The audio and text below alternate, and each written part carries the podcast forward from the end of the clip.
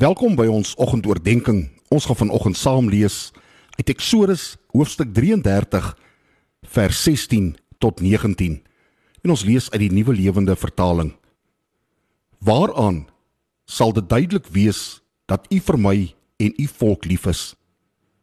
Hoe sal dit duidelik wees dat U anders oor ons voel as oor die ander volke op die aarde?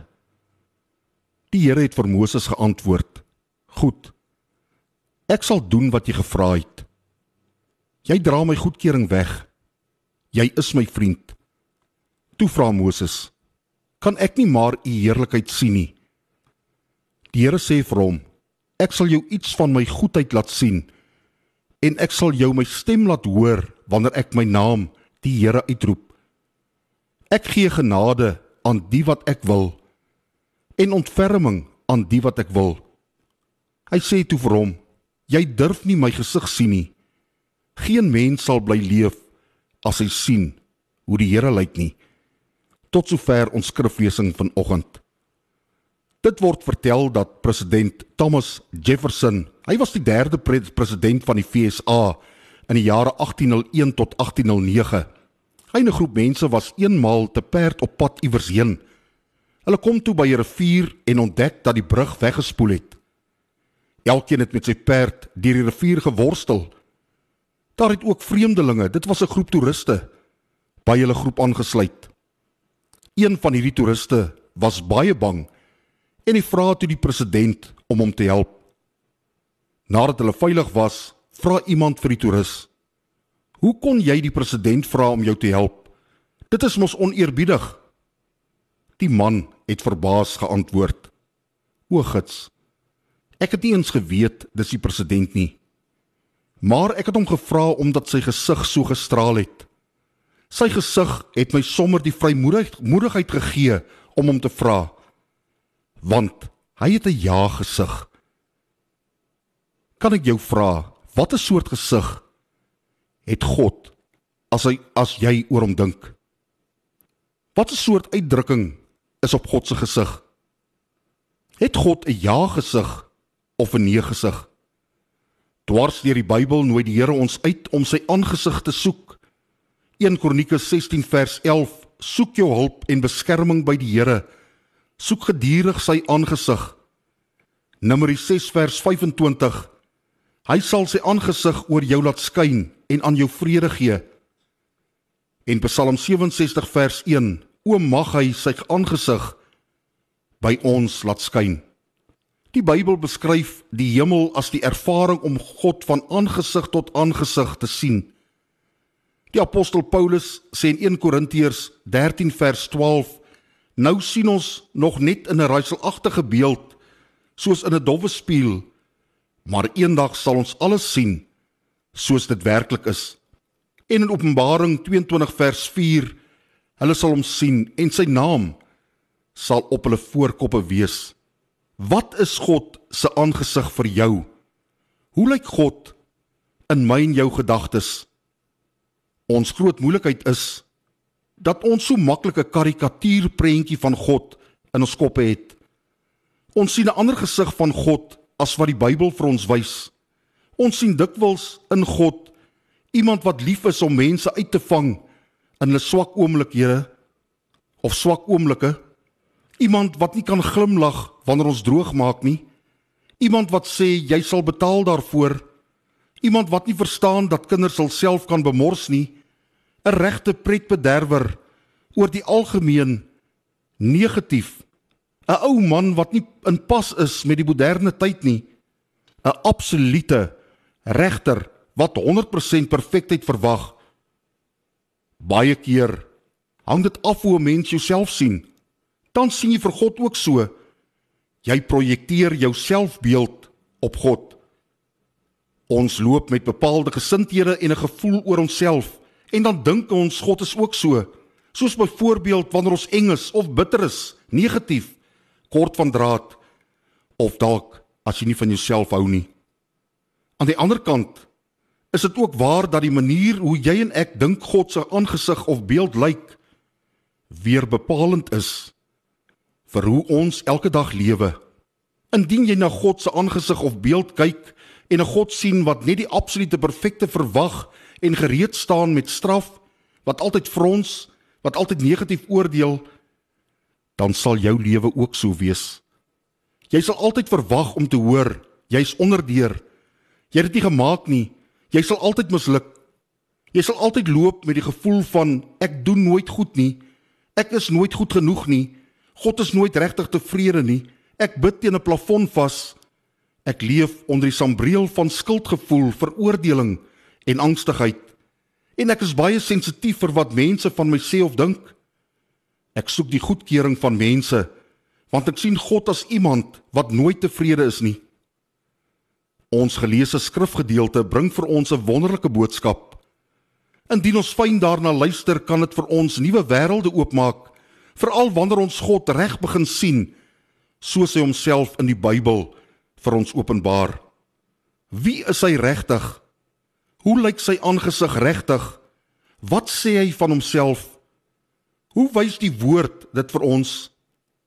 In Eksodus 33 sien ons die volk Israel in die Sinaï woestyn. Moses het in sy eie tent gewoon, 'n entjie weg van die mense, 'n tent van ontmoeting. Daar het God met Moses gepraat van aangesig tot aangesig, soos 'n man met sy vriend praat.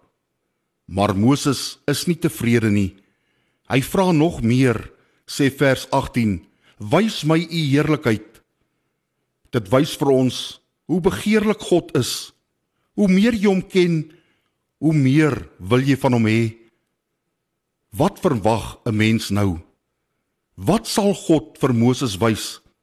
Natuurlik is dit onmoontlik dat Moses direk in God se gesig kan kyk.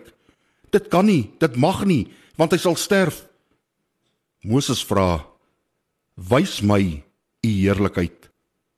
Wat sal die Here wys om sy heerlikheid te vertoon? Sal hy sy onbeskryflike mag en almag vertoon of dalk sy soewereiniteit of sy majesteit of sy geregtigheid of sy heiligheid en reinheid of sy skepingsmag en krag wat antwoord God vir Moses in vers 19 Ek sal jou my goedheid wys my voortreffelikheid wat uitmond in my genade en ontferming van al sy eienskappe en kenmerke en dade haal die Here net een uit en sê So lyk ek. So lyk my heerlikheid. So lyk my aangesig. Jy sien dit in my goedheid. Dit is wat die Here van homself sê. Dis hoe hy sê sy aangesig lyk. Dit is wat hom so mooi maak, wat hom so begeerlik maak. Dis sy onverdiende ontferming en guns en goedheid. Kan jouself vandag indink hoe sleg en treurig die volk Israel was. Hulle het uit en uit die dood verdien. Maar ontferming, goedheid, guns beteken om aan iemand juis te gee wat hy of sy nie verdien nie. Hy verdien nie dood. Jy gee hom die lewe. Hy verdien oordeel. Jy gee vryspraak. Hy verdien haat. Jy gee liefde. Hy verdien 'n klap. Jy gee 'n soen. Klink dit nie baie soos die verlore seun se pa in Lukas 25 nie? Onverdiende guns, ontferming. Die betekenis van die Hebreëse woord vir ontferming sien 'n mens die beste in Engels compassion. 'n Spesiale diep liefde. Die keuse wat iemand het in 'n hoër posisie vir 'n persoon in 'n laer posisie om die lewe vir 'n persoon in 'n laer posisie beter en aangenamer te maak. Die keuse wat die Here vir my en jou maak, al is daar absoluut niks in ons te vind wat ons enigsins aantreklik maak nie. Ja, ons dink mos ons aan onaantreklikheid sal God afstoot soos dit onsself afstoot. Hoe bitterlik verkeerd is ons tog nie in ons miserable denke oor God nie. God se goedheid en ontferming is eintlik volmaak vervul in Jesus Christus se kruisdood waar Jesus self die straf dra sodat God se goedheid en ontferming kan seëvier. God se heiligheid kanselleer nie sy goedheid en ontferming uit nie. Nee, Jesus se bloed het tussenin gekom sodat sy goedheid kon seëvier. Daarom, indien ons vir God as Vader ken in ons Here Jesus Christus, sien ons nooit 'n frons nie. Dit is net nie hy nie. Sy ganse wese is positief.